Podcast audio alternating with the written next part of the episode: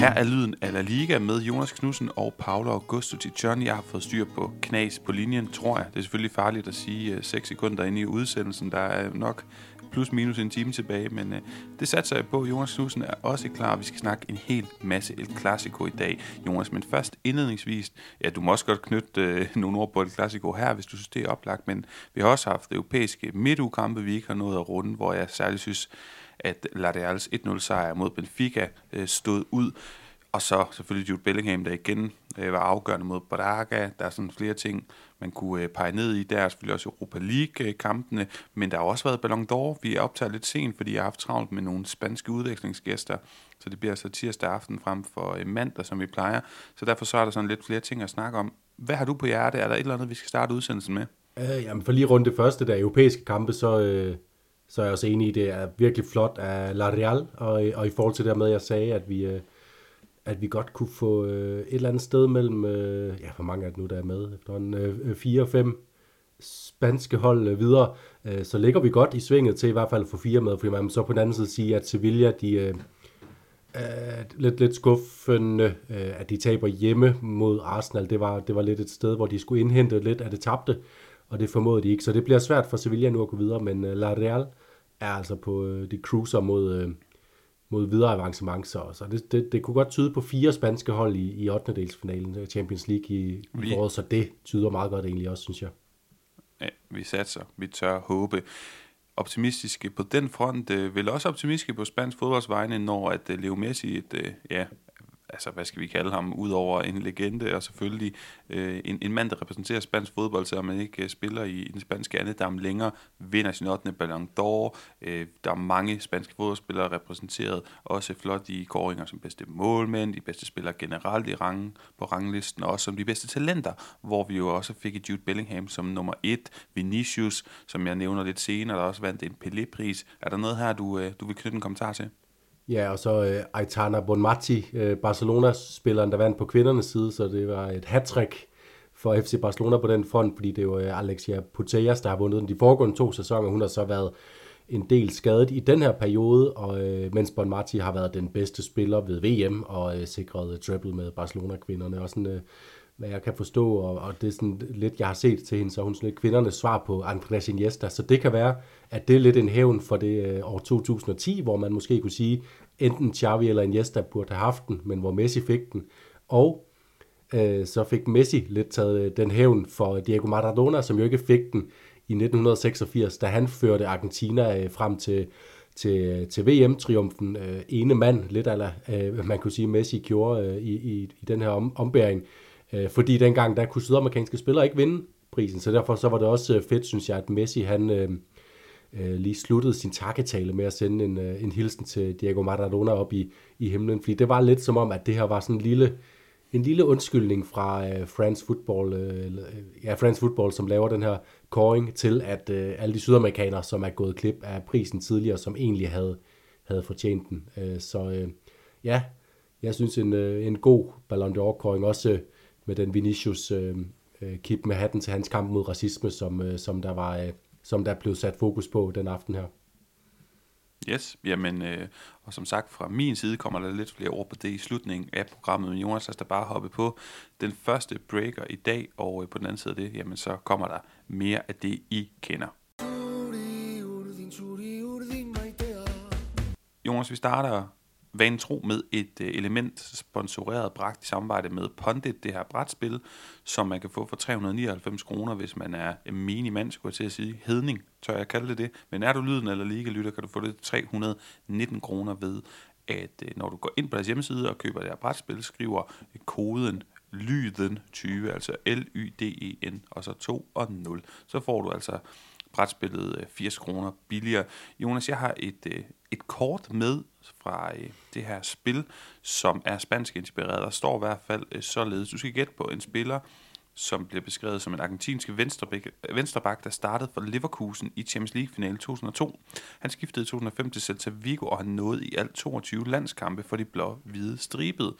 Og jeg skal nok komme med hens, hvis ikke, hvis ikke du kan gætte ham, men det skulle ikke undre, hvis du bare har ham. Venstre bak for Leverkusen i 2002-finalen, og så til Celta Vigo bagefter.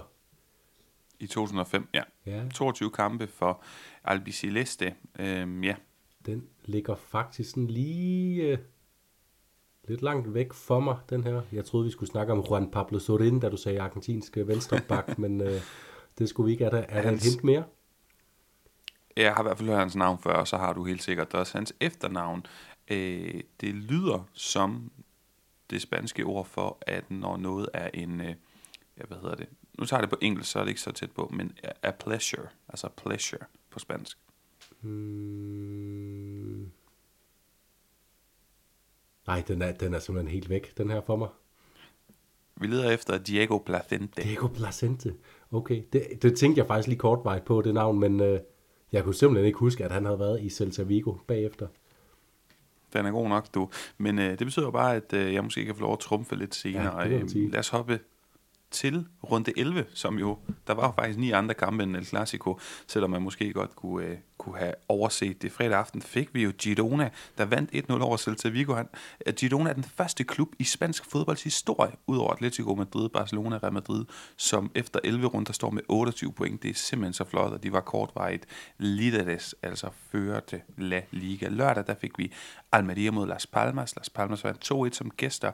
De ligger nummer 10 nu i tabellen. De ligger over hold som Villarreal, Osasuna og Sevilla. Det er simpelthen så vildt. El Clasico bagefter Barcelona taber i overtiden øh, 1-2 til øh, gæsterne fra Real Madrid. Vi snakker selvfølgelig primært om det i dag. Mallorca Getafe snakker vi ikke så meget om. Den blev 0-0 og et ja, lokalt derby mellem Cadiz, der ligger en times tid fra Sevilla. De tog imod Los Sevillanos, og øh, de spillede 2-2. Søndag der fik vi Betis Osasuna 2-1 på mål i overtiden af Isco Disco. Rayo mod La Real, den blev 2-2. Søndag Partizis og Miguel Oyarzabal stod for mig ud i det, jeg lige nåede at fange den kamp. Øh, sidstnævnte Miguel Oyarzabal, der nu spiller lidt mere som central angriber. Han er virkelig kommet godt ind i den her sæson. Og så er det også ret godt nu, hvor de her store, dyre drenge i front, Carlos Fernandes og Mo Alicho og Omar Sadik, de ikke rigtig slår til. Vi fik også en klassiker, un classico de la Liga, som er Atletic Klub mod Valencia, to traditionshold, og de spillede 2-2 og delte i porten. Så fik vi Atletico Madrid mod Alaves, de vandt 2-1 og mandag aften målrig affære, men med Granada på den uh, the losing side, den tabende side, som vi kender dem den her sæson, efter de er rykket op under Paco Lopez. De tabte 2-3 til Villarreal, selvom var der så, undskyld, Brian Saragossa, han gjorde alt, hvad der efterhånden står i hans magt, og endnu en opvisning fra ham. Pacheta, der altså redder sig et par matchbolde mere. Jonas, skal vi slutte af med et par små, hvad kan vi kalde det, øh, ja, inputs fra dig i runden, der er gået, eller skal vi starte med det? Lad os, øh, lad os lige starte, for jeg synes faktisk, der var en, øh, en del at lægge mærke til, som ikke, øh, som ikke lige var, var øh, El Clasico. Blandt andet så, øh, så stiller jeg mig lidt spørgsmål om, øh, om Real Betis, de er sådan lidt på vej tilbage på sporet. Altså jeg har parkeret dem lidt, fordi jeg synes, de har set øh, noget pleje ud. Øh, Isco øh, spiller godt, bliver ved med det. Øh, da, øh, de, øh, de har fået hentet... Øh, hentet noget point på det seneste. De er ubesejrede lang tid, selvom der har været et par, et par skuffende uafgjort i plant, så synes jeg, det tegner til noget. Og ikke mindst fordi, at øh, lige om lidt, så kommer Nabil Fekir tilbage. Han er begyndt at træne med holdkammeraterne igen. De har hentet Sokratis, øh, den græske midterforsvar, som, øh, som lige skal, skal trænes i gang, men så skulle han være klar til at træde ind øh, efter den næste landskampspause. Øh, så de får faktisk øh, Betis nogle øh, forstærkninger nu her øh, midt i sæsonen, samtidig med, at de, at de trods alt pointmæssigt har lagt sig ret godt til rette. Så, øh, så noget at glæde sig over i den grønne del af, af Sevilla, i modsætning til den hvide del af, af Sevilla, hvor, øh, hvor de endnu engang øh, skuffer Sevilla. Altså, de får lavet en remontada, men jeg synes også, det er lidt vagt at kalde det en remontada, fordi jeg synes, en remontada, så ender man med at få det resultat, man, man ønskede, og øh, efter at være bagud 2-0 mod Cardis, øh, det bør Sevilla overhovedet ikke komme, så, øh, så skulle de have høstet en 3-2 sejr, hvis det skulle have været et ægte remontada, der skulle give noget, øh, noget gejst i Sevilla. Så altså, efter en flot første kamp af Diego Alonso, så to, øh, ja, to skuffende optrædener med nederlag hjemme mod Arsenal i en kamp, hvor man skulle have point i Champions League, og så, øh, og så øh, øh, uafgjort i Cardis. Og det, det holder bare ikke, når man ligger der i tabellen, hvor man gør som Sevilla. Nej, og det var jo nemlig det, man også snakkede om det i Sevilla, der med, at du starter godt i Diego Alonso's debut mod Real Madrid, for ikke, øh, du får så det ene point, men ikke lige så meget med, som du måske følte, du egentlig godt kunne, og det samme med øh, i den her kamp mod Arsenal, altså to, som rammer så siger efter Arsenal-kampen, to af de bedst spillende hold, måske blandt de fem bedste hold i hele verden, at man er så tæt på at gøre det så godt i begge kampe, og så, så, øh, så ender de med at spille 2-2 mod et øh, mildest talt øh, ja, hvad skal vi kalde et begrænset Gardisol. Har du flere øh, nedslag i runden, der gik? Jeg har næsten lyst til at gå hele, hele, hele vejen rundt, men jeg tror, jeg vil, vil dykke ned i Mallorca-Retaffe. Øh, nej, det var for sjov. Den mest øh, forudsigelige 0-0-kamp øh, meget længe. Øh, så jeg vælger at sige, altså Girona fredag aften, som er øh, som kommer op øh, mod et, et virkelig stærkt Celta-hold. Øh, øh, igen synes jeg, som præsterer stærkt, men ikke får noget med. Øh, med fra kampen, holder, holder Girona stangen hele kampen, og så får de faktisk en scoring øh, sent i kampen, som så bliver, bliver annulleret på en sådan, altså jeg synes det er okay øh, i sidste ende, at dommeren dømmer, dømmer frisbak øh, på, på Gaza, øh, til Gazzaniga i, i situationen, men, øh, men, men også sådan, lige sådan en grænsedom, hvor man godt kan sige, at Celta er, er uheldig og får annulleret det mål, og så scorer Girona bare i overtiden som en vaskeægte mesterskabskandidat, som, øh, som Mark Moniese også øh, kaldte dem, da jeg snakkede med ham i, øh, i sidste uge. Han tror, han tror på, at hans tidligere klub godt kan, kan blande sig deroppe. Og med sådan en sejr her, det er bare sådan en, der peger ind i det, når man, øh, når man spiller en af sine lidt dårligere kampe, svært at åbne modstanderen op på hjemmebane, og så scorer man bare i overtiden. Altså, nu hørte jeg dit flotte interview og din fede fortælling med ham, og det er første gang, vi snakker sammen, siden det udkom i feedet lad os lige være enige om, at selvfølgelig lige nu tror vi jo ikke på dem som en reel mesterskabskandidat, men vi er vel der, hvor vi tænker, hvis de ender på en fjerdeplads, altså glem det der med syvende pladsen og 6. 5. pladsen, vi er jo også, altså vi er også, hvad kan vi kalde det, lidt sensationsløsende, når vi er, har de spanske briller på. Lige nu sidder vi der og drømmer om, de kan tage den der fjerdeplads, gør vi ikke det? Jo, de, har, de, de distancerer jo øh, modstanderne runde for runde, fordi øh, at uh, Sociedad øh, bliver ved med at glide bananskrallen i overtiden, endnu et nedslagspunkt, man kunne tage. Øh, gjorde det i, uh, i, på øh, Stadio de Vallecas den her omgang. Atletic Klub øh, får, øh, får henter heller ikke så mange point de sidste fem runder, som vi havde regnet med. Øh, og, og så er der selvfølgelig øh, Villarreal og Sevilla, som ligger og skraber rundt ned i, i bundregionen. Så altså, alle muligheder er åbne for, at Girona kan holde den plads, og når man allerede har distanceret efter 11 runder øh, den nærmeste øh, konkurrent til fjerdepladsen, som så er det altså Sociedad lige nu på 19 point, men 9 point, så, så vil den, øh, ja, så vil det næsten være respektløst ikke at tale om dem, i hvert fald som øh, kandidat til fjerdepladsen. Ja, det lyder altså lækkert. Må vi hoppe til et klassiker nu? jeg spørger sådan en lille smule øh, længsels, længslende. Ja, jeg vil godt lige rose Philip Jørgensen, som faktisk, altså, øh, vi er der alle, de kommer foran øh, 3-0 hurtigt i den kamp her. Øh, Alexander Sørlot, jo, der, der er tre Superliga, tidligere Superliga-spillere på måltavlen i den runde her. Abdul Munin, Mumin, øh, Sørlot og Sorry Kabar. Sørlot stod for det ene af dem. Øh, tre mål stod han bag, øh, for et straffespark, øh, scorer selv og laver et oplæg. Øh, og øh, så lukker vi Adal Delme Granada ind i kampen. Lynhurtigt fem mål på en halv time i den kamp. Og så er det faktisk Philip Jørgensen, der igennem hele anden halvleg holder, øh, holder Villarreal på, øh, på sejrssporet, og det er også ham, at jeg lægger mærke til, at det kameraet fokuserer på ham, da der bliver fløjtet af øh, på Nuevo Los Carmenes. Så øh, en, en, øh, en virkelig flot kamp, og øh, en måske første gang, at jeg sådan peger på og siger, at her var Philip Jørgensen pointgivende og øh, gav tre point til sit øh, Villarreal-hold. Så stærkt er den unge dansker. Jeg ved, at før runde 11 blev fløjtet i gang, jeg har noget statistik med i dag, som jeg ikke har opdateret siden før, fordi jeg ved faktisk ikke selv, hvor man henter det statistik. Det er noget, jeg ser på Twitter fra forskellige statistikfolk, jeg følger i det spanske. Før det her, så var han den øh, målmand, som har flest redninger af alle ligamålmand før runde 11. Så altså øh, heldigvis begynder det at se bedre ud for, øh, for den gode Philip Jørgensen. Jonas, nu hopper jeg til det, og jeg kunne godt tænke mig at spørge dig, om du som jo er en musikkens mand, er mest til Rolling Stones eller The Beatles? Jeg er mest til uh, The Doors. Men du har ikke svaret på mit spørgsmål. Åh oh, gud. Uh, jamen, uh, jeg, jeg er faktisk ikke sådan helt vildt meget til nogen af dem, men jeg tror, det ender med at blive The Beatles, hvis jeg får, uh, hvis jeg får en pistol for panden. Okay. Og det siger du ikke, når nu du ved, hvad jeg sådan uh, insinuerer i det her. Altså, det handler ikke kun om, at det er Jude Bellingham, der trækker overskrifterne efter den her kamp. Øhm, nej, jeg har faktisk stået på orange scener øh, foran Paul McCartney og sunget med på Hey Jude-sangen som afslutningsnummer. Jeg har også set Rolling Stones på orange scene. men øh, ja, jeg ved ikke, hvor jeg vil hen med det. Andet end at øh, jeg, jeg, jeg kender sangen, du refererer til. Ja, det er jo helt vildt, øh, og vi skal selvfølgelig nok vende Jude Bellinghams, ja, hvad skal vi efterhånden kalde det? En dårlig, dårlig præstation, men fantastiske præstation. Det kan vi vende lidt ja. senere, fordi Jonas, lad os starte sådan helt traditionelt, helt klassisk, når man tager sådan en her kamp ned.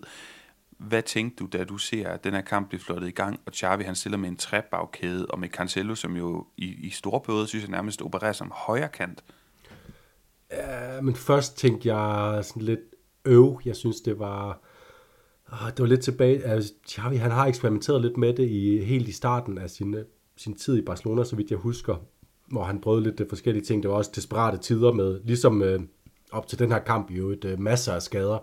Øh, det var dengang, øh, der kom en hel masse øh, helt unge spillere, blandt andet Esabte og Ilias Akomac og så videre op i, øh, i truppen. Øh, så, så jeg var sådan lidt ærgerlig, men så, øh, så efterhånden som jeg så idéerne med det, så voksede det på mig også, fordi jeg synes, man kunne se, at det var sådan lidt en skæv 3-5-2, øh, hvor at, øh, øh, at der stadig var, øh, altså Cancelo var ikke højre kantangriber, sådan helt øh, øh, øh, manifest. Han var lige så meget wingback, og der var lige så meget andre, som, øh, som var med til at, øh, at søge de områder ude på siderne, altså Ferran Torres og, og Joao Felix fik så lidt mere øh, bevægelsesfrihed inden for de her ja, to angriberpladser, man kan sige, de dækkede. Øhm, Famin Lopez var ekstremt øh, dynamisk og sørgede for at komme rundt i alle mulige områder, og det samme kan man sige om Gavi, som jo bare er en spiller, der per natur er over det hele, så det voksede faktisk på mig, også fordi jeg synes, at øh, i særdeleshed faktisk Andreas Christensen, men egentlig også Nico Martinez, var, var gode i den opbyggende fase i spillet. Øhm, og det gjorde, at det ikke blev så, øh, så tungt, som det nogle gange har været, øh, desværre, når Barcelona er gået over til den her, øh, den her tre-mands forsvar. Ja, og hvad tænker man så, når man ser, at Real Madrid jo virker fuldstændig boglamme, de virker overrasket, de virker konfuse, de ved ikke, hvad deres modtræk er til den her taktik.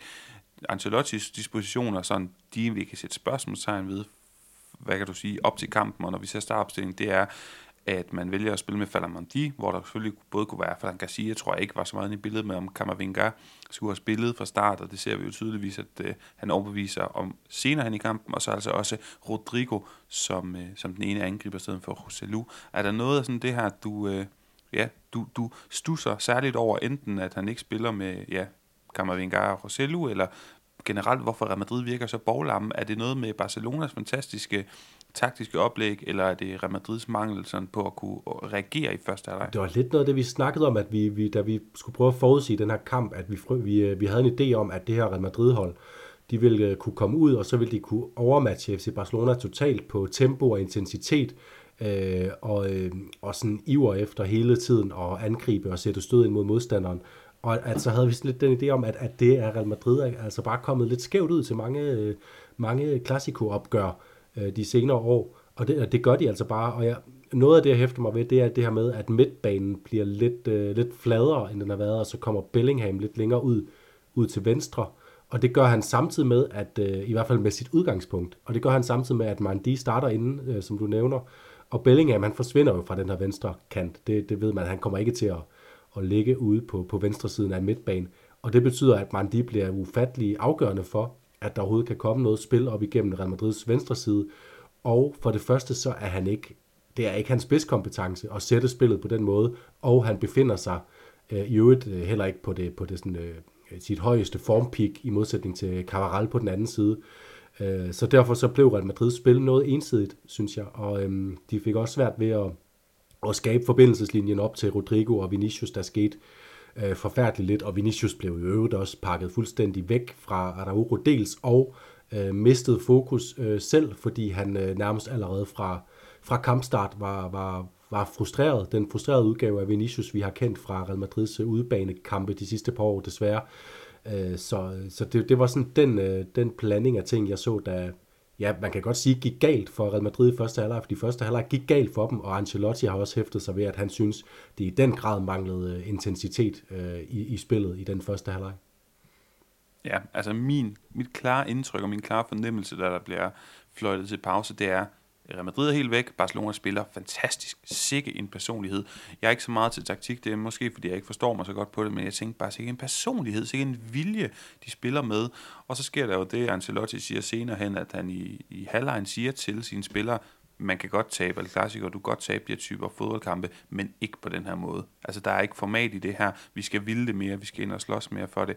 Og så sender han blandt andet, øh, sender blandt andet Luka Modric på banen, men jo også, må vi bare sige, det bliver fuld, fuldstændig afgørende, at øh, Falamondi, og det skal vi huske på, at det er jo ikke nødvendigvis et proaktivt Ancelotti, det handler om, at Falamondi, han bliver skadet, og så må han udgå, og så kommer Kammervengar ind. Og jeg synes netop, Modric og Kammervengars indhop, de to ting, det ændrer alt ved den her fodboldkamp. Ja, det er jeg enig i. Og faktisk, øh, uden at skulle forklare øh, øh, Luka Modric, især øh, Kammervengar, fordi det netop øh, reparerer det problem, som jeg også var inde på med, øh, med Mandi i venstre side, som ikke formåede at føre bolden frem. Der må man bare sige, øh, at Kammervengar jo kommer med, med noget helt andet, både i evnen til sådan at indgå i spillet, men også altså, øh, øh dynamik, drev med bolden. Altså, det må man bare sige, selvom øh, Mandi også er, er, er en hurtig spiller, så har han ikke det der øh, øh drev med bolden, som, som Kammervengar har, og som Kammervengar har, uanset øh, hvor på banen han så i øvrigt spiller. Jeg, jeg er meget, meget, meget vild med, med Kammervengar den her sæson, og har forstod heller ikke, at han skulle starte ude i den her kamp, men det var så fedt at se, øh, at vi kunne få ham se i en ah, lidt anderledes, øh, men, øh, men meget afgørende rolle.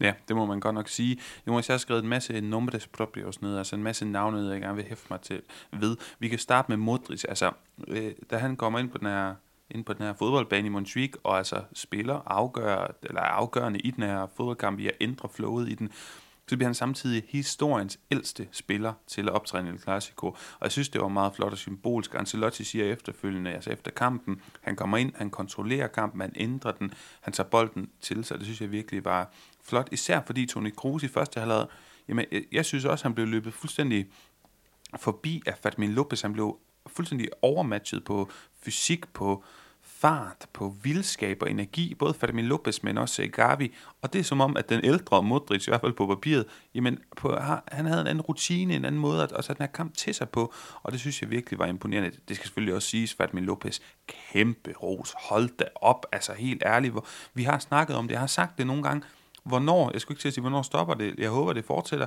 med den her fantastiske forsyningskæde af Barcelona-talenter, der kommer op fra ungdomsrækkerne. Det er kun den fire start i professionel fodbold nogensinde for Fermin Lopez, og spiller han med sådan en personlighed. Hold da helt op. Øh, altså, jeg, jeg forstår det simpelthen ikke, øh, at, at han kan være så god i en El Clasico. Virker fuldstændig ligeglad med, at det er den her scene. Han går bare ind og spiller en fantastisk kamp. Det var meget, meget overraskende for mig. Ja, og, øh, og hvis man så skal, skal rykke videre og nævne, nævne lidt flere navne, så, øh, så kan man bare rykke en, øh, ja, en, en, en plads hen, hen til siden på FC Barcelonas midtbane med Gabi, som, som jo for det første, så fik han fuldstændig fladmast uh, Jude Bellingham. Især i den her første halvleg, Jude Bellingham fik ikke et ben til jorden i den kamp. I hele første halvleg, en af årsagerne var altså, at Gavi var over ham, og han havde endda også overskud til at være over alle mulige andre, og samtidig agerer den her øhm, øh, spilfordeler, som efterhånden minder mig øh, mere og mere om sådan øh, øh, Xavi og, og Kukke i hans måde at tage fat i bolden på, og, øh, og det synes jeg, som, som, som sådan en lille sidebemærkning, så er det ekstremt lovende, fordi at så kommer han til at kunne passe bedre ind sammen med Petri i, øh, i mange år fremover. Der var sådan lidt frygt for, at de to skulle, skulle spære lidt vejen for hinanden, men jeg synes, der tegner sig konturen af to forskellige spillertyper, som kan øh, akkompagnere hinanden fuldstændig fremragende, og øh, Gavi ja, altså det er jo sådan en blanding af, af, af Xavi og Gennaro Gattuso, der løber rundt derinde. Det, det, det er jo en, en drøm for en træner at kunne sætte sådan en spiller ind. Altså det her er, ja, efter jeg har været lidt skeptisk over for ham, så, så lige for tiden, så, så viser han bare vejen, øh, fordi øh, han er en nøglespiller for, for FC Barcelona, også i den her kamp, øh, og ja, indtil det så øh, begynder at gå den anden vej. Jamen, så vil jeg fortsætte med fusionerne og hoppe tilbage lidt til Kammervinga. Jeg skal lige have stillet dig et spørgsmål om ham, men uh, fusioner i forhold til tidligere fodboldspillere, fordi for mig er han, hvis vi bliver i en Real Madrid-kontekst, som jo er klubben, man optræder for, en uh, sjov blanding af i hvert fald udseendesmæssigt, uh, jo, ligner han jo Seedorf, som jo har spillet ja. som en dynamisk midtbanespiller for Real Madrid, men som type minder han mig rigtig meget om den gode, gamle Principito el Fernando Redondo, som var en klasse opbryder, men som altså også havde øh, noget løbevillighed i sig, stor, fysisk, aggressiv, elegant, mange andre ting. Jonas, hvad skal man stille op med Kammervinger? Hvis nu du fik lov, du har et minut i et rum med Ancelotti, og han har kaldt dig ind, og han har sagt, hvad skal jeg stille op med ham? Hvad, hvad bruger du dit minut på? Jamen, jeg bruger det på at overbevise ham om, at Kammervinger skal ligge permanent inde i Real Madrids, med udgangspunkt inde i Real Madrids øh, motorrum, og at øh, derinde må der være en mere, øh, mindre mobil spiller. Øh, det kan være Toni Kroos, øh, det kan være Chouameni, men øh, jeg vil have Kammervingard derind, fordi jeg, vi, vi ser ham igen gøre det godt på, på venstre bakken, men jeg synes, at Real, øh, Real Madrids store force, det, det som vi også snakkede om op til den her kamp, det er det her med at kunne sætte et, øh, et uhyrligt øh, tempo hele tiden, have drev frem i banen med bolden, øh, og uden bolden, øh, øh fart, dynamik, øh, idéer frem i banen, og det må man bare sige, at øh, ligesom Valverde også har det, så har Kammervenga det her og gør det på fremragende vis, samtidig med, at han bare bliver, øh, bliver, bliver klogere og klogere til, øh, til de andre opgaver, og især dem, der ligger inde i netop øh, motorrummet, hvor vi så ham lave nogle, nogle, øh, nogle små fejl i starten af sin Real Madrid-tid, men de hentede ham også som en meget, meget, meget ung spiller. Øh, han er stadig meget ung. Øh, han lærer tydeligvis, samler alt op undervejs og bliver, bliver bedre. Så jeg vil have ham ind i motorrummet, og det bliver måske ikke den her diamant midtbane, men øh, jeg tror også, jeg vil bruge noget af mit minut på at sige til Ancelotti, lige så snart du føler, I har lidt flere øh, muligheder op foran, skulle du så ikke prøve at komme væk fra den her øh, diamant midtbane?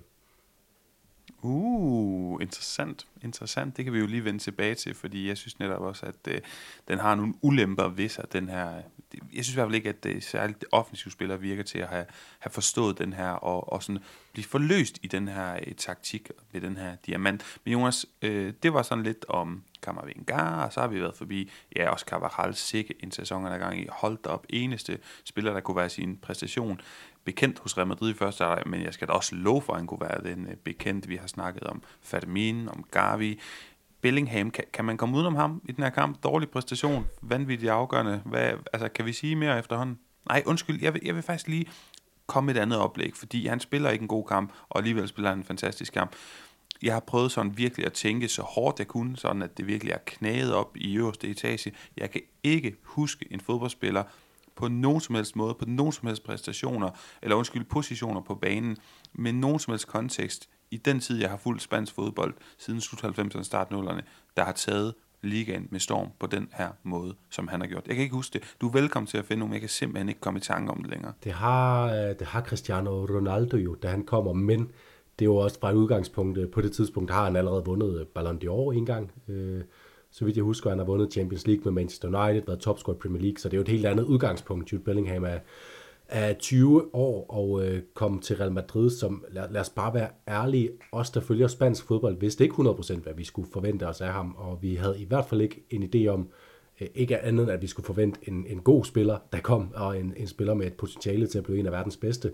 Det, det, det havde vi trods alt øh, hørt øh, fugle pippe om, men at øh, det her havde vi jo på ingen måde forventet, og det var der ikke nogen, der havde, at han skulle blive en spiller, der scorede 13 mål i 13 kampe, og nu har jeg set, Gary Lineker har været ude efter øh, kampen og sige, at hvis Harry Kane bliver skadet for det engelske landshold, så skal Jude Bellingham der spille falsk nier, og øh, apropos det her med øh, øh, væk med den diamant, så det er da også noget, jeg tænker, der er oplagt, at der skal prøves, at man kan skubbe de to brasilianere ud i hver sin side, lade dem få lidt mere føling med, øh, med udfordringerne en mod en ude fra kanterne, og så lader Bellingham bare dominere det der område, øh, hjulpet af Fede Valverde, som også godt kan, kan finde ud af at komme derind. Øhm, så altså, selvom at han i spillet ikke imponerer, og det, det har, det, altså sådan har jeg faktisk haft det i flere af de kampe, også hvor han har afgjort det, at han ikke har imponeret mig. Der har også været kampe, hvor han har imponeret mig i selve spillet, både med sådan sit øh, bolderobrende spil og sin måde at kunne drive bolden en gang imellem, øh, og hele tiden en klog spiller øh, øh, til, at, til at finde de rigtige afleveringer. Øh, men øh, selvom at han ikke spiller en, en konge eller klassiko på alle leder og kanter, så er han jo bare kampens stjerne. Det er jo ham, vi husker. Øh, et fremragende mål og et, øh, et, et kautsk lykketræf øh, til sidst, som afgør El Clasico i overtiden. Det er jo noget, man aldrig glemmer. Han har allerede skrevet sig ind i, i historiebøgerne i det her opgør. Ja, men et lykketræf, som alligevel jo har lyst til at, at kalde det en lille smule mere, fordi det er jo mere bevidst end det. Altså, det er jo nogle ting, som når det bliver ved med at fortsætte, han scorer på de her rebotes, de her riposter, eller hvad kan du sige, nedfaldsbolde, som er lidt tilfældige, men så, så stopper den tilfældighed på et tidspunkt med at være, ja, jeg synes, det er mistænksomt på den gode måde, og jeg kan ikke lade være med, når man ser billederne igen og igen for det sidste mål, ser hvordan han løber, ser, opsøger situationen, på, på en eller anden måde fornemmer den, og så ser man jo også, at hans direkte oppasser, Oriol Romeo, han stopper fuldstændig op i sit løb, og ved, altså har glemt alt om, at manden han øh, løber efter. Ja, jeg anerkender, at, øh, at det bliver forlorent at snakke om, øh, om held, når der er så mange øh, bolde, der lander ned foran fødderne på, på Bellingham i den situation øh, her, eller i, i, i de situationer generelt i La Ligaen, og især i overtiden af, af kampe. Øh, og selvfølgelig opsøger han det, men øh, jeg tror altså ikke, jeg tror end ikke, at Jude Bellingham er så snarråd i, at han ved, at øh, Luka Modric laver en øh, elendig tilfældig berøring, som gør, at den øh, ender over en oppasser, fordi øh, det er sjældent, Modric laver den slags øh, tekniske fejl, som førte til et oplæg i det tilfælde her. Så det kan, det er, begge dele er på spil, og jeg synes, øh, jeg, jeg synes, det er okay at, at snakke om held, øh, når, når Bellingham scorer et mål som det her. Det er også okay at anerkende det som et, øh, et mål, for det er det, og øh, han er god til at opsøge situationerne, men øh, jeg, jeg, jeg synes, det må, ikke, det må ikke blive forbudt at snakke om, at heldet tilsmiler øh, øh fodboldspillere i den her slags situationer. Jeg er helt enig. Jeg tror, jeg tror, vi snakker det samme sprog, men det her med at være uheldig på Barcelonas side, men spille bedre, det er noget, jeg godt vil ind på lidt senere. Det har lidt blevet fortællinger og narrativ omkring det, men fra Bellingham og over til øh, den mand, som han løber fra, Oriol Romeo, fordi Jonas, jeg fornemmer, at Barcelona-fans de begynder at være lidt imod ham. Øh, han følger ikke med Bellingham på den her overtidsscoring, og med ham på banen, det var før den her kamp, så det er endnu værre statistik så længe man har ligesom talt, hvor mange mål har Barcelona scoret og lukket ind med ham på banen, og, og så har man sat de to tal sammen, og der var målforskellen før den her kamp på plus 1. Det vil sige, øh, her må den være nærmest på minus 1, mens at når han ikke er på banen, og Barcelona spiller fodboldkamp, har den været på plus 17, og øh, uden at være er virkelig dårlig til matematik, men de scorede jo deres mål i den her kamp, hvor han ikke var på banen, så det må være plus 18 nu. Er det, er det tilfældigheder, eller er der virkelig sket det, som, som jeg måske også synes, jeg fornemmede lidt før den her kamp, og nævnte i podcasten, den her spiller har været god for Girona, men han kan ikke, altså, det, det, det er simpelthen for svært et, niveau, et for højt niveau. Ser du, at han begynder, kan vi sige, at, at, at verden begynder at indfinde sig for Odeo Lodomeo? Der er også noget tilfældighed med i, i sådan en statistik her, det vil jeg næsten mene, men man må sige, nu han har, jeg har snakket hans sag øh, et par gange, fordi jeg synes, han, han også har spillet udmærkede kampe, hvor han har bidraget til, øh, til Barcelonas øh, flow og, øhm, og dækket området fint af dernede. Man må bare sige, det var et katastrofalt indhop, han havde i den her El Clasico, og ikke kun fordi han ikke fulgte med Bellingham ved den her øh, målsituation, men også fordi hans, øh, han var for langsom i tanke og handling. Og øhm, det undrer mig egentlig lidt, at, øh, at det skulle ske, fordi man skifter fra øh, Girona til Barcelona. De spiller trods alt i den samme liga. Han spillede også kampe mod Real Madrid for, for Girona, og der husker jeg ikke som om, at han blev overmandet gang på gang, fordi han ikke kunne være med i, i tempoet. Øh, så øh, der, der er et eller andet øh, på spil. Altså, øh, han er... Øh, han, han er ved at grave sig selv ned i et, i et dybt hul, hvor hans form bare bliver dårligere og dårligere, hans fodboldspil bliver nervøst, og, øh, øh, og sådan forpint. Han ser forpint ud, når han skal træffe beslutningerne, og så, øh, og så tøver han for længe med, længe med tingene. Øh, og det er sådan noget, der, der, der man typisk kan se, når spillere de stille og roligt er ved at, at miste selvtilliden og troen på egne evner, og der så samtidig også bygger sig et pres på ude, ude, udefra.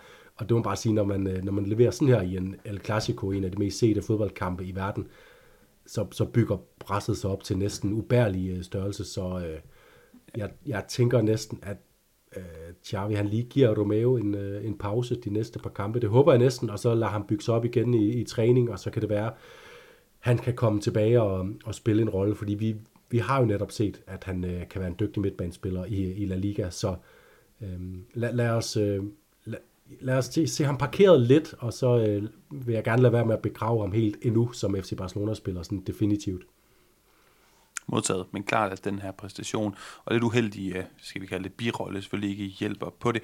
Fra en midtbanemand, ja, vi har efterhånden været forbi, ja, nærmest alle spillere i den her kamp, til en anden hos FC Barcelona, Gündogan, som efter den her, han scorer jo det, det er rigtig fint og flot. Det måske været en lille bitte, bitte, bitte smule undervældende start i, øh, for ham øh, på sin tilværelse i Barcelona. Jeg er meget tør, han går ud sige. og laver et... Jeg er meget undervældet af Gündogan. Okay, jamen det kan du få lov at komme med lidt flere ord på uddyb nu her, Jonas, fordi jeg vil bare nævne, at den her kritik, han jo kom efter kampen, virkelig har været opsigtsvækkende for mig og for mange andre i Spanien, der ligesom reagerer på det her med, at han jo siger efter kampen, jamen, ah, det er træls, jeg er ikke kommet her for at tabe nogle fodboldkampe, jeg kommer ind efter kampen i omklædningsrummet, og ja, jeg ser ikke den reaktion, den frustration, den anger, den ærgelse, som jeg godt kunne tænke mig at se. Og der bliver spekuleret i, at uh, de unge sidder på deres telefoner og griner lidt, og hvad ved jeg. Og, og det er selvfølgelig svært for os at spekulere i, men er der noget her, vi skal lægge mærke til? Er der noget i Barcelonas omklædningsrum, en mentalitet, der har der været spekuleret i tidligere? Ja. Nu snakker jeg mere Champions League-kollaps og sådan noget. Nogle, nogle ledere, der måske ikke har været de hvad kan vi kalde dem, de mest ideelle lederskikkelser, og så kan jeg jo øh, ikke lade med at tænke på, at dengang hed de, de hed Messi, de hed Jordi Alba, som vi lige har sagt øh, farvel til FC Barcelona.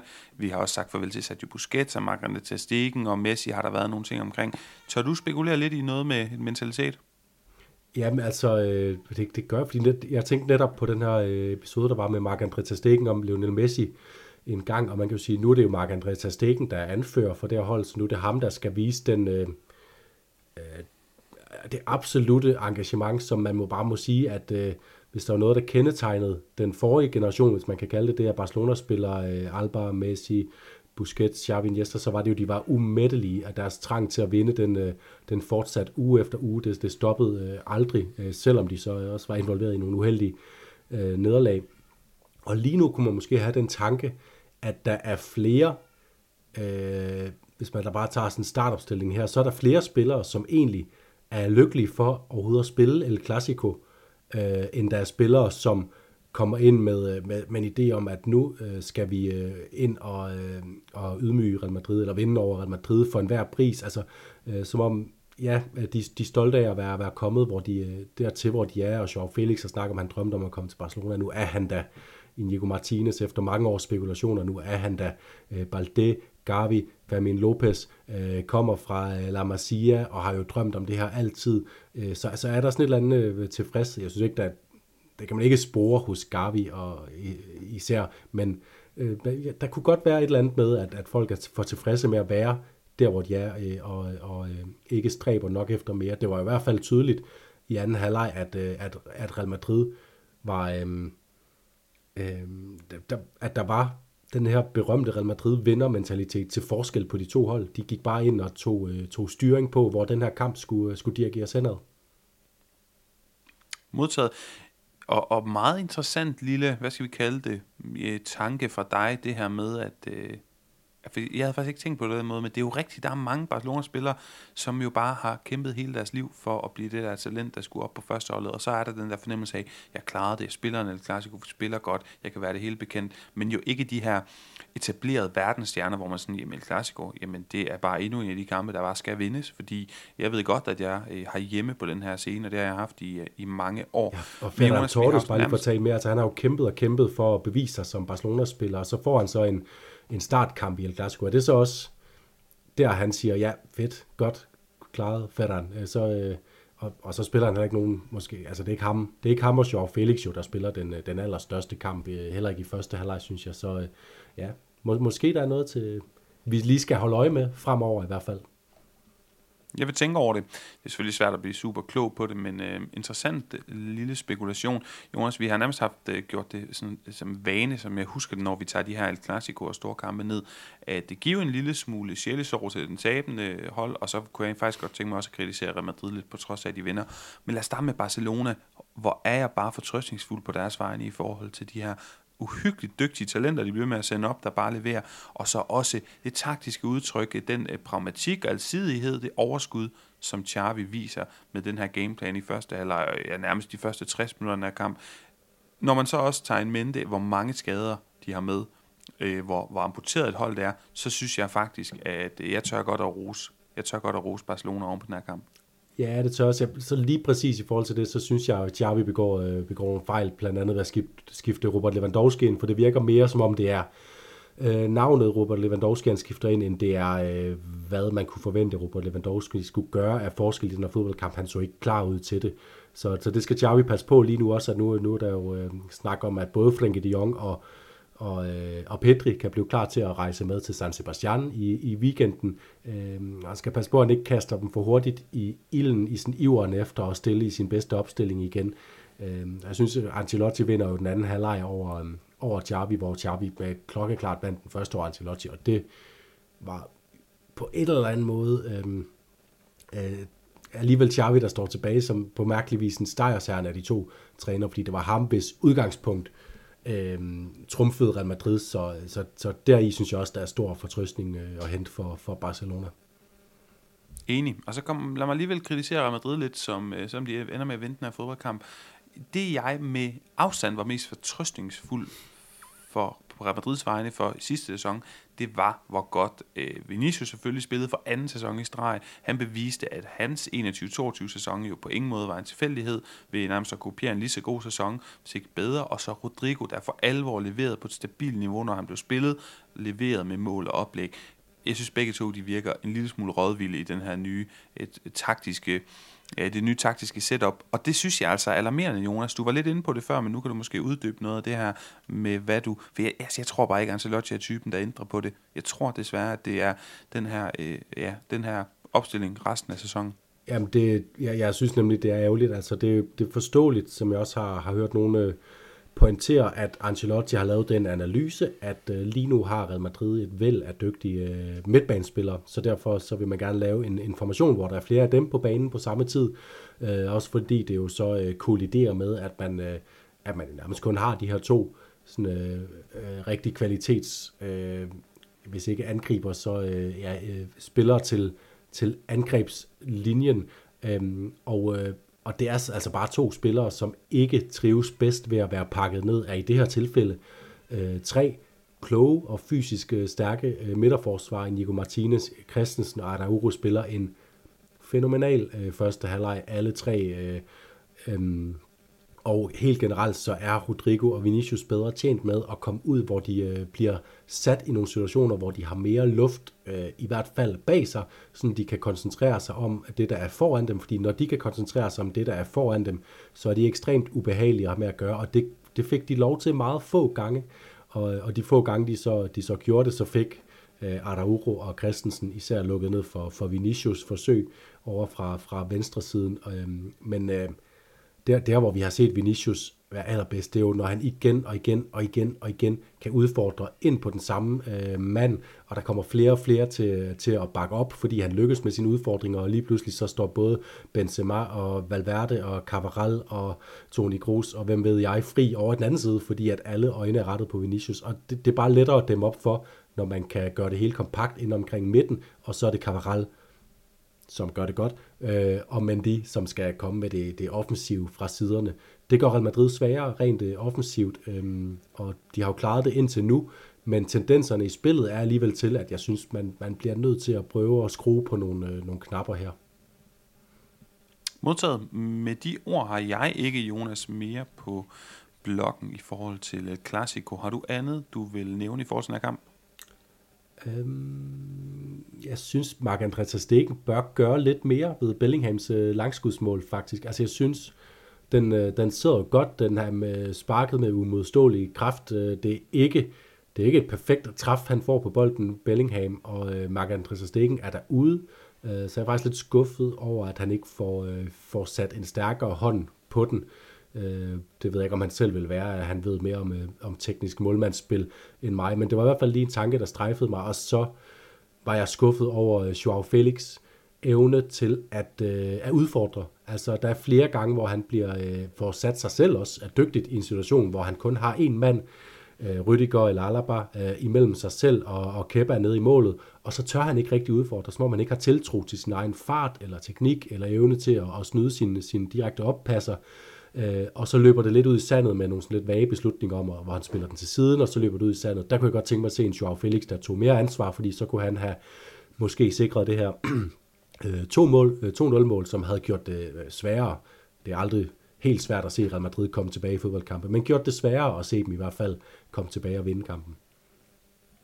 Ja, jeg synes, det er nogle gode pointer som jeg ikke har sådan øh, øh frygtelig meget været hverken uenig med dig i eller supplere på. Er der noget omkring runden, der er gået, som du vil knytte en kommentar til her, eller skal vi tage og øh, øh hvad hedder sådan noget, uddele nogle priser, nu hvor vi i sådan lidt Ballon d'Or-stemning? Øh, jeg vil lige runde, øh, runde Atletico, som, øh, som jo bare fortsætter med at vinde, og igen gør det overbevisende, selvom de lige får lukket Alaves ind til sidst i kampen. Og øh, der vil jeg især hæfte mig ved, at nu er Samolino jo ude med en, med en skade, og øh, i sidste sæson og foregående sæson, øh, altså de foregående sæsoner, har Carrasco jo været så, så øh, øh, for mig at se afgørende for Atletico Madrids evne til at, at være, være et offensivt øh, godt spillende hold.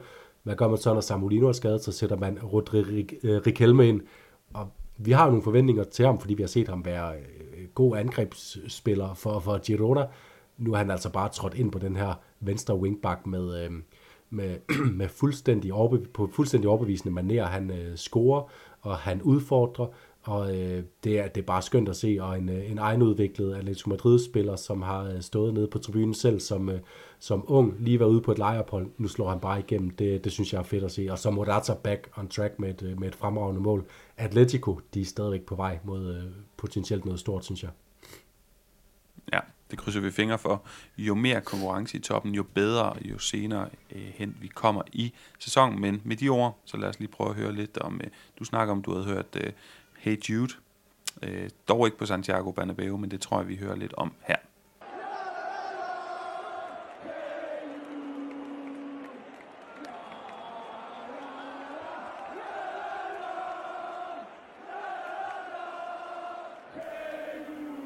Bellingham, han tog en lige linje bolden, og så førte han sit skinneben op mod sin pande, og på den måde scorede han, hvilket jeg gætter på, æstetikkens mester stadig må anerkende en lille smule. Et af de flotteste mål, øh, som, øh, som den her runde havde bydet på, det er mit bud på en det, der er så Jonas. Jeg ved godt, at Marc-André Stegen har hænderne på, eller den ene hånd på, men den her måde, at han fører sit skinneben i en form for lige linje op, den måde, han står og sparker, det er sådan en hestespark. Det ser meget meget, meget specielt ud, og jeg synes virkelig, det var imponerende. Ja, det er næsten som om hans ben er sådan en uh, tryk, trykpistol, øh, på en eller anden måde, der sender, sender bolden afsted. Øh.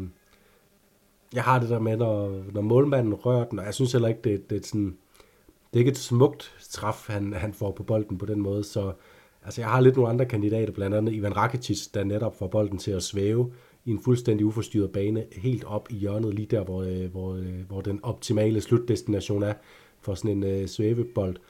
Så har jeg øh, Beppe, der laver et, øh, et drøn af et langskudsmål, som vi kender ham i overtiden til, til at sikre uafgjort resultat til Rayo Og så øh, den her øh, Chris Ramos, som er ved at udvikle sig til lidt af en, øh, en stjernefigur nede i Cardis, som, øh, som scorer mod Sevilla.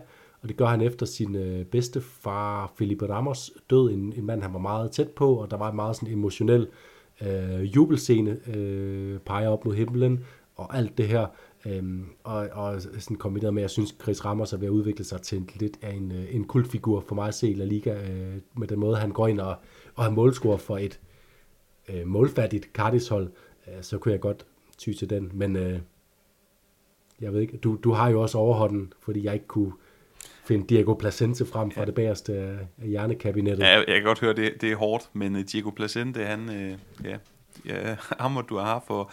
Ej, jeg vil sige, det, der er jo også noget i det der med, at det er et klassiko. Og når vi ser tilbage på det, så er Jude Bellingham i overskriften på de her ting. Men jeg kan også godt lide de bud, du har.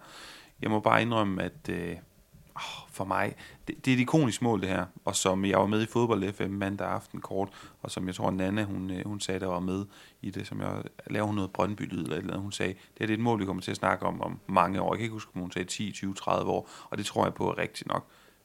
Og derfor synes jeg, det er svært at ignorere. Ja, jamen, øh, den er altså noteret. Bellinghams trykspark bliver rundens Tajasso i runde 11. Til gengæld, så kan du få lov til at have meget indflydelse på El Rogon, fordi jeg har bare skrevet en øh, fantastisk katalansk midtbanespiller, Alex Garcia fra Girona, der bare leverer godt, også med assist og så videre. Men jeg er også villig til at lytte på andre bud her. Ja, jeg har også noteret mig Gavi, Fermin Lopez og Bellingham fra den der El Clasico. Øh, men jeg synes så, Bellingham spiller overordnet ikke en god nok kamp, og Gavi og Fermin Lopez, de ender med at tabe. Øh, så derfor bliver min, min, min, kandidater faktisk Isco, som fortsætter med at spille godt for Betis, og den her kamp har han øh, oplæg flot oplæg med sig, og øh, så øh, scorer han også i overtiden et fint mål, øh, overlægger ind. Og øh, oplægger sidst, det lavede Fran Perez også, da Valencia fik gjort op i, øh, i Baskerlandet hos øh, Bilbao. Et Valencia-hold, der blev ved med at præstere sådan, øh, over forventningerne. Og Fran Perez øh, er også i gang med at, at nedbryde mine manglende forventninger til ham og, og give mig i kast med at betragte ham som en rigtig god spiller. Og øh, den her kamp var ikke et øh, dårligt bud på det. Så Isco og Fran Perez er kandidater sammen med øh, Alex Garcia så har jeg faktisk lyst til at gå med Isco. Altså, vi må heller ikke øh, glemme at premiere og anerkende det faktum, at han jo fuldstændig genopstået fra de døde. Nej, og han, han, han, han håber selv, at han kan komme på landsholdet igen. Altså, øh, så stor er hans selvtillid lige nu. Det kunne være en fed historie. Ja, fornemt apropos de dødsdag og Halloween og hvad det ellers øh, er for nogle tider uden for døren. Jonas Koman, kæmpes positiv, negativ historie for ugen, der er gået. Jeg har valgt at gå med en El Clasico, øh, hvad kan du sige, inspireret dobbeltcoring. Øh, Koman der var et racistisk øh, tilfælde, skulle jeg til at kalde det, det er en dårlig formulering, en episode, racistisk episode på Montjuic El Clasico. Det går ikke. Og i den forbindelse, så kan jeg heller ikke overskue, at Valencia øh, reagerer som klub på Twitter blandt andet, ved at være træt af, at øh, deres logo er på et billede, der bliver delt i forbindelse med Ballon d'Or. Det skal det være med broks over. Situation fornemmelse. Fordi hvad skete der til Ballon d'Or? Ja, der vandt Vinicius nemlig en Pelé-pris for sit humanitære arbejde med fodbold, sin kamp mod racisme. Det var nogle smukke scener. Han bruger mange penge og ressourcer på det humanitære, men for os her er det jo også centralt, det er hans store kamp mod racisme, som jeg synes virker til at være en, et lys i, hvad der ellers øh, er et mørkt øh, fodbold-Europa, der fodboldverden, der bliver mere og mere moderniseret, og hvor der er mindre og mindre ja, fantastisk at fremhæve, men det her synes jeg var rigtig godt, og så vil jeg i øvrigt også lige kort rose Barcelonas, og hvad hedder de, øh, hvad er nu de, det katalanske politi hedder, det er sådan noget, du ved. Øh, og hvad er det nu, øh, øh, Mos, Mossa, ja, det er ja. squadra. Mossas. ja, deres hurtige og effektive reaktion på det her, myndighederne også La Liga, der går ud og, øh, og fortæller om det, og øh, det virker til, at der er blevet taget hånd om de her ting, men så er det mere seriøst, man er mere effektiv. Det var min Koman og Kempes. Jamen, øh, lige hurtigt knytte en kommentar til med Valencia. Altså, jeg forstår godt, at Valencia er frustreret, fordi de er virkelig blevet hævet igennem sølet på baggrund af det her, og jo blandt andet også fordi, øh, Øh, både Ancelotti og Vinicius kom til at overdrive øh, øh, lidt i deres beskrivelse af, hvad der skete på Mestalla. Øh, og det er så også værd at hæfte sig med, at på det billede, som blev delt til Ballon d'Or, der var Mukhtar Diakabi forrest i billedet, og øh, i, i, i forhold til ham, så har Valencia jo netop kæmpet en kamp forgæves øh, i forbindelse med den der kamp i Cardis, hvor Juan Cala, øh, øh Cala som jo har stoppet karrieren øh, for nylig, øh, øh, var ude efter Mukhtar Diakabi, øh, sagde nogle øh, racistiske ord ifølge Diakabi. Valencia var, havde lyst til at forlade banen. Diakabi ender faktisk med at blive skiftet ud, øh, og, øh, og der ender med at komme ingenting ud af det. Så jeg, jeg kan godt forstå, at Valencia er ærgerlig over det, men jeg er også enig i, at det, det er ikke det, det handler om nu. Det handler om kampen mod racisme, og ikke øh, hvem der skal føle sig lidt for meget som set på som øh, racister. Øh, de er på alle stadion, desværre. De tåber, øh, og det kunne også være min kommand, men nu har du pænt taget den, så jeg går med det faktum, at fair nok, øh, jeg synes, øh, det, det er fedt nok at se Spotify være, øh, være øh, storsponsor for en af verdens største øh, fodboldklubber. Også fedt nok at se det her med, at de varierer til at give nogle kunstnere øh, pladsen. Også fedt nok at se Rolling Stones øh, medlemmerne øh, på tribunen til en øh, El Clasico, øh, selvom man er lidt i tvivl om de rigtig har lyst til at være der, eller om de bare var der, fordi det var de blevet bedt om af deres PR-manager. Men jeg synes, det er for meget at, øh, at gøre deres øh, ikoniske tunge til en del af tifoen. Altså, de her tifoer i forbindelse med El Clasico-opgør, de er øh, legendariske. De er, øhm, de er en, en integreret del af sådan udtrykket fra Barcelonas fans, altså hvor de måske ikke er den mest vokale fangruppe. Så de her tifoer på, ja, Camp nu, nu på Montjuic, det er bare noget af det, der kendetegner dem, og så skal det bare, så, så bliver det lige pludselig bare en reklame for verdens ældste, mest fortærskede øh, øh, rockband. Øh, ja, det, det synes jeg var lidt ærgerligt. Min, øh, min kæmpes, den går altså til, at jeg synes, øh, spansk, den spanske liga lige for tiden bare er super underholdende at følge med i. Altså, øh, den her runde var øh, der bare den ene øh, afgørelse, enten i, at nogen sikrede sig uafgjort, eller sikrede sig en sejr, altså jo blandt andet i El Clasico med Jude Bellingham i overtiden, og ofte efter kampe med flere mål, ofte efter kampe, hvor det ene hold har været øh, bagud og ender med at komme foran, og, øh, og, og så kommer det andet hold tilbage, som vi så op på, på San Mamés i Athletic Club øh, Valencia-kampen, som var en, en, en fed, fed, fed fodboldkamp, og dem er der bare mange af for tiden efter en periode, hvor det dykkede lidt, og måske var alle andre kampe så fede, fordi Mallorca og Getafe, de spillede mod hinanden den her gang, så de kunne kun få pur én kamp. Øhm, så altså en, øh, en, en stor kæmpes til, øh, til underholdningsværdien i La Liga lige for tiden. Hørt og ja, tiltrængt. Jonas, lad mig lige høre dig. Det har jeg jo glædet mig til i lang tid, det her. Gør status på, for nu skal vi til sidste programpunkt. Gør lige status på forudsigelserne. Ja, altså det ser godt ud for dig, og, og jeg har et lille, lille spørgsmål til dig. Var Ferran Torres involveret i det Gündogan-mål? Det er ham, der bliver spillet bande med, og så øh, ryger den ind i zonen, og så øh, kommer Gündogan løbende og samler op igen. Men der er jo tydeligvis en øh, Germany-fod på, på bolden.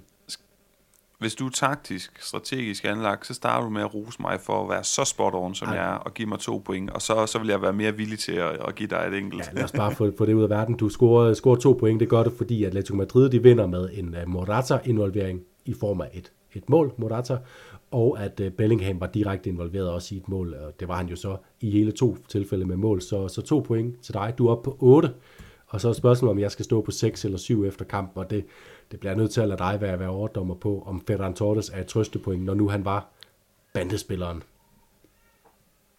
Jeg synes, du skal have det. Jeg synes, vi skal være gode mod hinanden. Du får lov at få det så, point. Så husker jeg det til, når du er lige på kanten. Hvad har du, øh, hvad har du øh, fundet til runde 12 af forudsigelser? Jamen, øh, jeg har været lidt i tvivl. Jeg har kigget på Real Betis, som jeg vurderer godt kan vinde over det her med hold Og jeg ved ikke, om det er nok til at sætte et point på spil, eller vi skal være mere konkrete. Jo, flere, flere kampe vinder Real Betis, ikke? og sværere er Mallorca jo bare at vinde over, må vi trods alt sige. Godt. Og øh, så går jeg med, at Villarreal, den synes jeg er sådan relativt våget. Øh, vinder over Atletic Klub. Atletic Klub, der har været lidt af en darling for mig den her sæson og sidste sæson, men øh, why not? Pacheta, måske i gang med et eller andet, vi ikke havde regnet med. Jeg ved ikke, hvorfor jeg får de vibes. Nogle gange, skal jeg være helt ærlig, der skyder jeg også bare lidt Rasmus modsat, og det er måske det, jeg gør her. Ja, ja og det, det synes jeg er våget, fordi jeg, selvom de fik en sejr nu ved det, så synes jeg ikke, det var øh, overbevisende maner. Øhm, og øhm, øh, hvorimod Atletic Klub stadigvæk ser, ser god ud for mig. Men øh, det, det er spændende. Øh, våget bud, jeg glæder mig til at følge med i.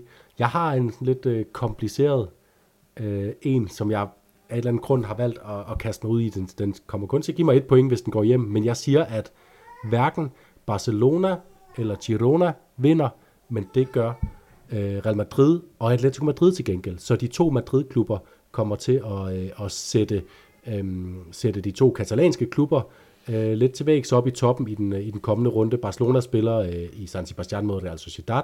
Girona spiller ud mod Osasuna. Og øh, Real Madrid tager imod øh, Rayo hjemme, som jeg tror, de vinder. Og Atletico Madrid øh, tager en tur til, til Las Palmas, hvor jeg, hvor jeg så tror, de vinder. Så øh, det, det, det kommer det til at ændre sig lidt i toppen, og så tror jeg, at Griezmann scorer i, øh, i den kommende runde. Øh, nu øh, fik han underkendt et mål i en meget, meget, meget mystisk situation, hvor der blev dømt et frispark til Atletico Madrid længere tilbage på banen i en situation, hvor Griezmann var i gang med at, at score. Så han scorer næste gang. Ved du hvad, jeg vil gerne premiere det med en, en, en lille special. Jeg synes, det, jeg synes, det er så, øh, der skal gå så meget øh, rigtigt for at øh, du øh, vinder den der med de fire forskellige kampe, så derfor så, øh, så får du to point, hvis den går hjem, Jonas. Oh, og øh, med, med de ord, så tror jeg, vi er nået ved vejs ende i dag. Vi kom lidt forsinket, men øh, vi skulle gerne være klar igen i starten af næste uge, og altså snakke en runde 12 ned, hvor der venter os en masse spændende kampe. Så tak fordi I lyttede